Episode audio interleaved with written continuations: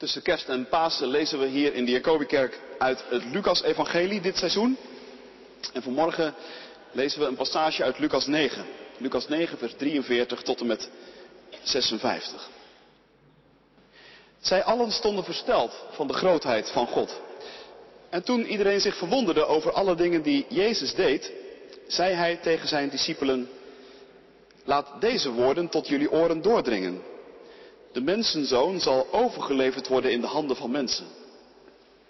Maar zij begrepen dat woord niet en het bleef voor hen verborgen, zodat het niet tot hen doordrong. En ze vreesden hem een vraag te stellen over dat woord. Er ontstond een meningsverschil onder hen over de vraag wie de belangrijkste was. Maar toen Jezus de overweging van hun hart zag, nam hij een kind en zette dat bij zich. En hij zei tegen hen, wie dit kind ontvangt in mijn naam, die ontvangt mij. En wie mij ontvangt, ontvangt hem die mij gezonden heeft. Want wie de minste onder u allen is, die zal belangrijk zijn. Johannes antwoordde en zei, meester, wij hebben iemand gezien die in uw naam demonen uitdreef. We hebben het hem verboden, omdat hij u niet samen met ons volgt. Jezus zei tegen hem, verbied het niet, want wie niet tegen ons is, die is voor ons. En het geschiedde toen de dagen van zijn opneming vervuld werden, dat hij zijn aangezicht naar Jeruzalem keerde, om daarheen te reizen. En hij stuurde boden voor zijn aangezicht uit.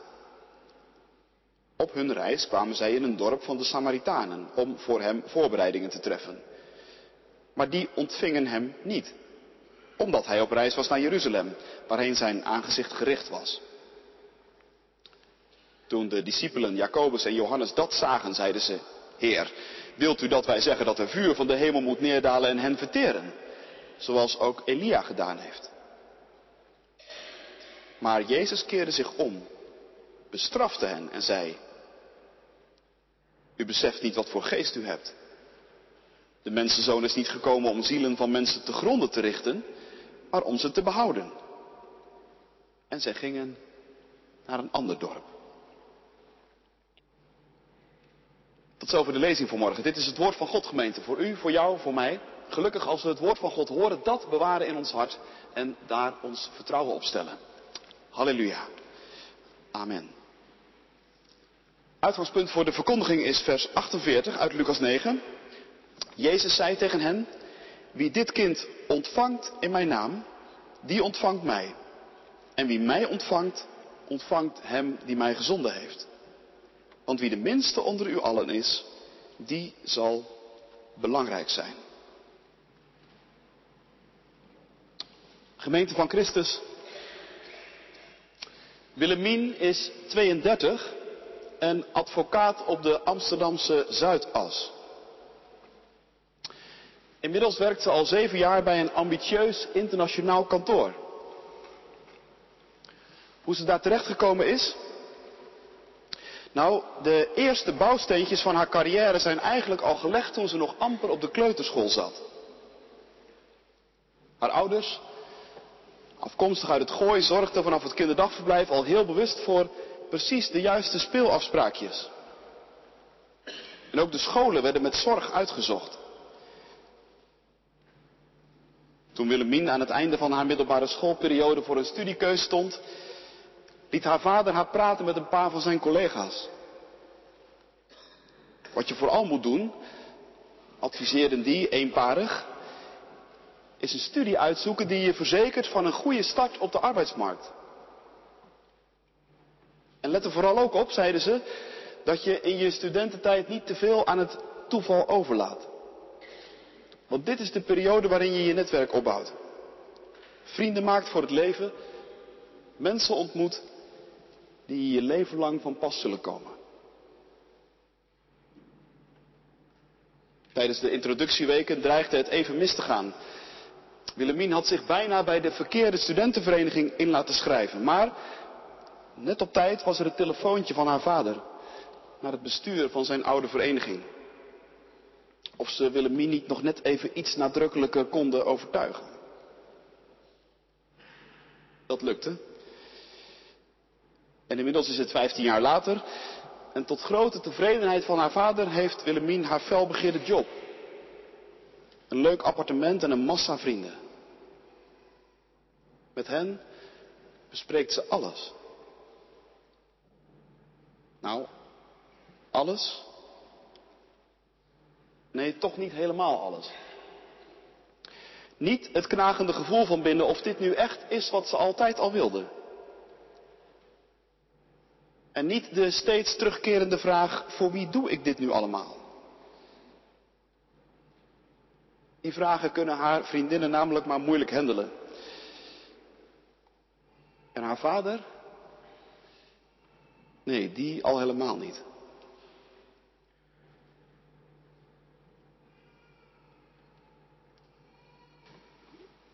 Dit verhaal, uit het leven gegrepen, komt uit het boekje De Bijbel op de Zuidas. Het is geschreven door dominee Ruben van Zwieten, die hier vorige week sprak op het Jacobi-debat. En ook als je niet opgegroeid bent in het gooi en de Zuidas voor jou een vreemde wereld is, dan geeft het denk ik toch veel te denken. Want wie je ook bent vanmorgen en hoe je hier ook zit, met verwachtingspatronen heb je allemaal te maken of te maken gehad. Verlangens die door anderen aan je worden opgelegd.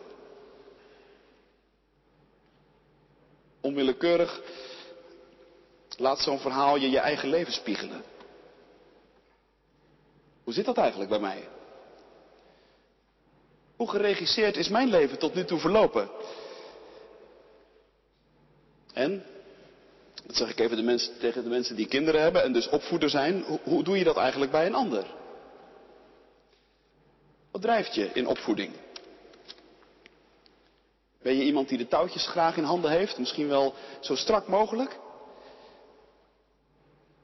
Is je stijl van opvoeden misschien ongemerkt, heel dwingend? Of is er ook juist ruimte voor het verrassende? Voor dat wat niet gepland was?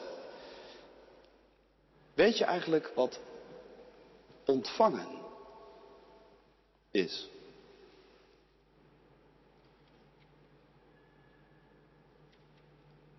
Nou, de leerlingen van Jezus blijken dat in ieder geval heel moeilijk te vinden. Het stuk dat we lazen begint met een hele intrigerende zin. De mensen zijn getriggerd door Jezus' succes. Hij maakt indruk met wat hij zegt en vooral met wat hij doet, schrijft Lucas. Iedereen verbaasde zich over wat hij deed. En wat me nou zo opvalt, Jezus merkt dat en dat is geen aanleiding voor hem voor een zelfvoldane glimlach, maar juist voor een hele scherpe en profetische opmerking. Knoop wel even dit goed in jullie oren, zegt hij. De mensenzoon zal worden overgeleverd in de handen van mensen. Met andere woorden, nu loopt iedereen wel achter mij aan, gefascineerd door mijn succes, maar sta je er niet blind op? Het zal niet lang duren of de wind slaat om en gaat ineens uit een heel andere hoek waaien. De publieke opinie is uitermate grillig. Vandaag is het Hosanna, morgen kruisen hem.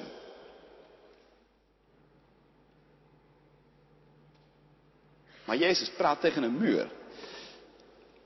Zijn woorden stuiten eigenlijk continu op onbegrip. Lucas vermeldt wel op vier verschillende manieren dat dat zo is. Hij vindt op geen enkele manier gehoor. Sterker nog, deze woorden van Jezus scheppen juist ook afstand. De leerlingen durven er niet verder over, te, over door te vragen. Ja, en hoe gaat dat? Misschien herken je dat. In een ongemakkelijk moment val je heel vaak terug in dingen die juist heel erg makkelijk zijn. In dit geval onderling gekissenbis over de vraag wie van ons nu eigenlijk de belangrijkste is. Daar gaat het over. Al met al dus eigenlijk een heel treurig plaatje. Jezus probeert iets belangrijks te zeggen. Zijn woorden stuiten op verzet. En in plaats daarvan gaan de leerlingen met elkaar aan de haal. Treurig plaatje, maar tegelijkertijd, dacht ik, toch ook alweer heel herkenbaar, vind je niet? Het begint met die fascinatie voor succes, voor doen en voor impact maken. Je ziet het bij een ander en je denkt, dat wil ik ook. En voor je het weet, ben je zo gefocust dat er als het ware een mist, een, een deken over, over je hart en over je hoofd komt te liggen. Misschien heb je het zelf amper door. Dat hoort er denk ik ook bij, want je hebt maar één focus en wat je bezighoudt is de eerstvolgende logische stap op weg naar dat doel. Maar dit Bijbelgedeelte laat zien dat dat ook een prijs heeft. Je gaat namelijk steeds minder signalen opvangen. Je wordt doof. Er is iemand die wil iets tegen je zeggen. Een goede vriend misschien. Of je moeder. Jezus. Maar je pikt het signaal niet op. En anderen? Anderen ga je steeds meer zien als potentiële concurrenten.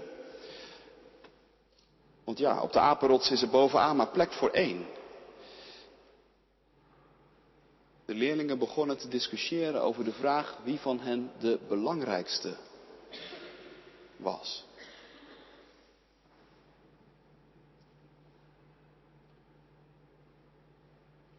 En Jezus? Jezus ziet het gebeuren. Hij ziet scherp. Hij kende de overleggingen van hun hart, staat er. En, wat doet hij dan? Dan roept hij dus een kind bij zich. Nou, als je een beetje vertrouwd bent met de verhalen van het evangelie, dan weet je misschien dat hij dat vaker doet. Maar waarom eigenlijk? Waarom een kind? Nou, niet omdat een kind zo lief en onschuldig is. Zelfs als dat al zo is, dan is het niet waar, Jezus, waar het bij Jezus om gaat. En het is ook niet omdat kinderen zo heerlijk onbevangen zijn en nog een hoop te leren hebben. Zo worden die andere zinnetjes als worden als een kind en geloven als een kind nog wel eens uitgelegd. Ja, zegt iemand dan, je moet maar gewoon geloven als een kind. En dat betekent dan meestal zoiets van niet te veel nadenken. Gewoon simpelweg in vertrouwen gaan. Nou, dat doet kinderen ook schromelijk tekort. Kinderen zijn niet naïef. Daar gaat het dan ook niet om. Als Jezus een kind naar voren schuift, dan gaat het hem om iets anders. En we moeten even proberen om ons in te leven in de tijd van toen. Want het is voor ons amper voor te stellen, maar je moet weten dat in de tijd van Jezus kinderen eigenlijk geen enkele status hadden. Je begon pas een beetje mee te tellen zo op je twaalfde.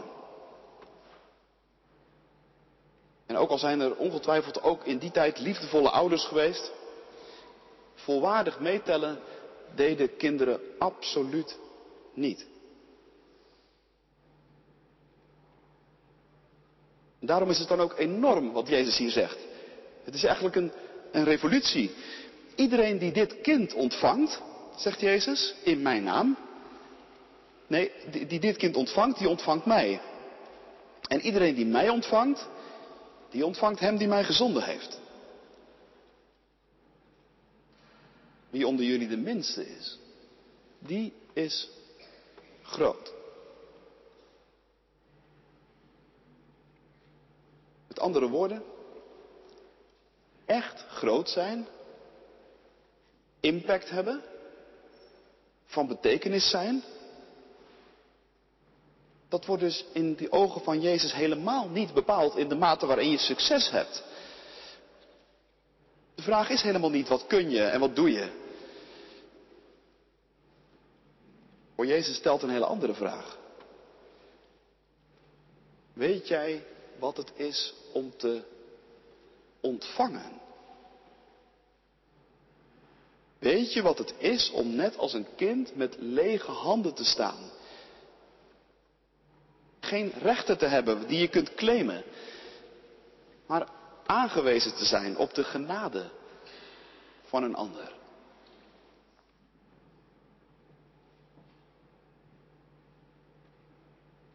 Om bij die vraag te komen zet Jezus dus graag een kind in het midden. Want van een kind kun je die kunst dus afkijken. En nu dacht ik, dat gebeurt eigenlijk vanmorgen hier ook. Er wordt niet één, maar er worden maar liefst drie kinderen vanmorgen in ons midden gezet. Marcus, Lieve, Gideon. En waarom gebeurt dat? Waarom worden ze aan ons gegeven? Nou, vanmorgen zou ik dit willen zeggen. Ze worden aan ons gegeven om te leren wat ontvangen is. In de eerste plaats geldt dat natuurlijk voor jullie als ouders. Ze zijn aan jullie gegeven om een plek te hebben in jullie gezin. Maar indirect gaat het ook over ons allemaal. Toevallig hebben wij daar in de voorbereiding voor deze dienst best wel even bij stilgestaan. Bij wat het betekent dat dopen gebeurt op een zondagmorgen. In een dienst waar ook heel veel anderen bij zijn. En niet bijvoorbeeld op donderdagmiddag bij jullie thuis in de keuken. Nou, dat heeft dus hiermee te maken. Via kinderen wil God ons allemaal leren wat ontvangen is. Ook als je zelf geen kinderen hebt, trouwens. Ik kom daar straks nog even op terug.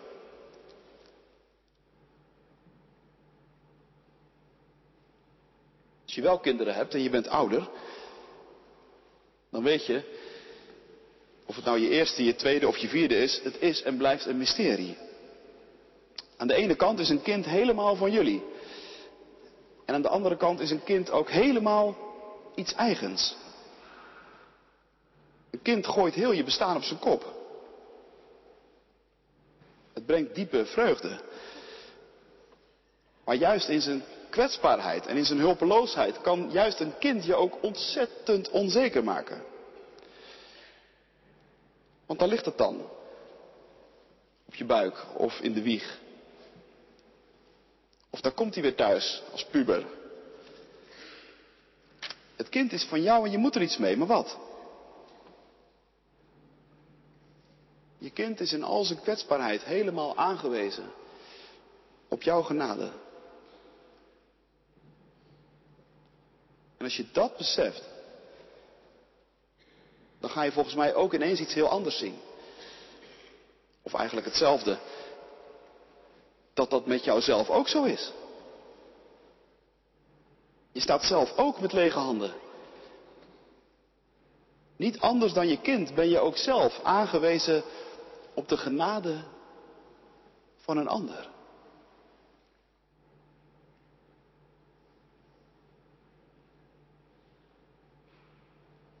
Misschien doe je mee in de gemeente hier, terwijl je zelf geen kinderen hebt. Daar zijn er heel wat van. En vind je dat van tijd tot tijd maar bar lastig? Want al die kinderen die confronteren je ook telkens misschien wel met je eigen gemis.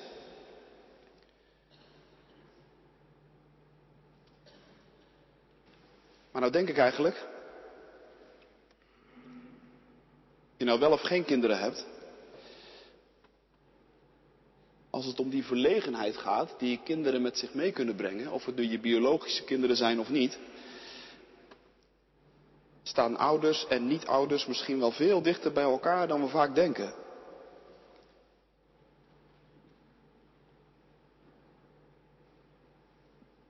En wat zegt Jezus nou? Ontvang ze maar. Ontvang ze maar gewoon, die kinderen. Doe het nou maar. Ontvang ze als ouders. Ontvang ze binnen de kring van de gemeente. Want weet je, iedereen die dit kind ontvangt, die ontvangt mij, zegt hij. En wie mij ontvangt, die ontvangt hem die mij gezonden heeft. Dat is een enorm zinnetje. Ik had daar eerlijk gezegd nog nooit zo over nagedacht.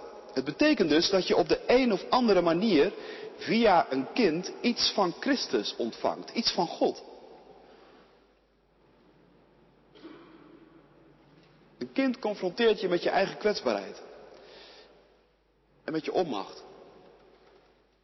Een kind brengt je uit je doen. En soms kan dat heel pijnlijk en confronterend zijn. Maar als ik nou het evangelie vanmorgen goed begrijp, dan wil Jezus volgens mij dit tegen ons zeggen. Dat juist in die kwetsbaarheid, juist in die hulpeloosheid, Misschien wel juist in dat ongemakkelijke. Daar ontstaat juist de ruimte om te kunnen ontvangen. Daar ontstaat de ruimte om echt te horen wat God tegen je te zeggen heeft. Zo schept God ruimte voor zichzelf in onze levens. Juist als je het even niet meer zo goed weet. There is a crack in everything. That's how the light gets in, zegt Leonard Cohen. Er zit een scheur in de dingen. En dat is natuurlijk vervelend, want wij houden niet van scheuren. Maar precies in zo'n scheur valt het licht naar binnen. Zo wil God werken. Zo wil God tegen ons praten vanmorgen. En wat zegt hij dan? Nou, laten we vanmorgen gewoon goed opletten wat er gebeurt in de doop. Het teken van de doop spreekt vanmorgen voor zichzelf. God zegt vanmorgen tegen ons dat Hij ons en onze kinderen lief heeft. En dat Hij voor hen instaat. Met niets minder dan zijn eigen leven. En dat die liefde onvoorwaardelijk is. Hoor je dat? Onvoorwaardelijk. Dat je daarom mag leren om Christus lief te hebben en te leren vertrouwen. Met Hem mag leren leven.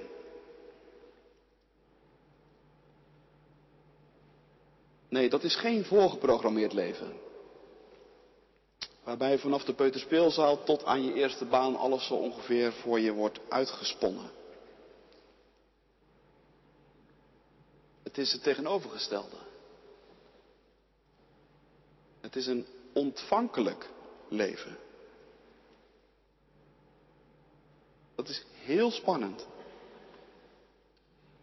Want je weet niet wat er komt. Is ook heel moeilijk.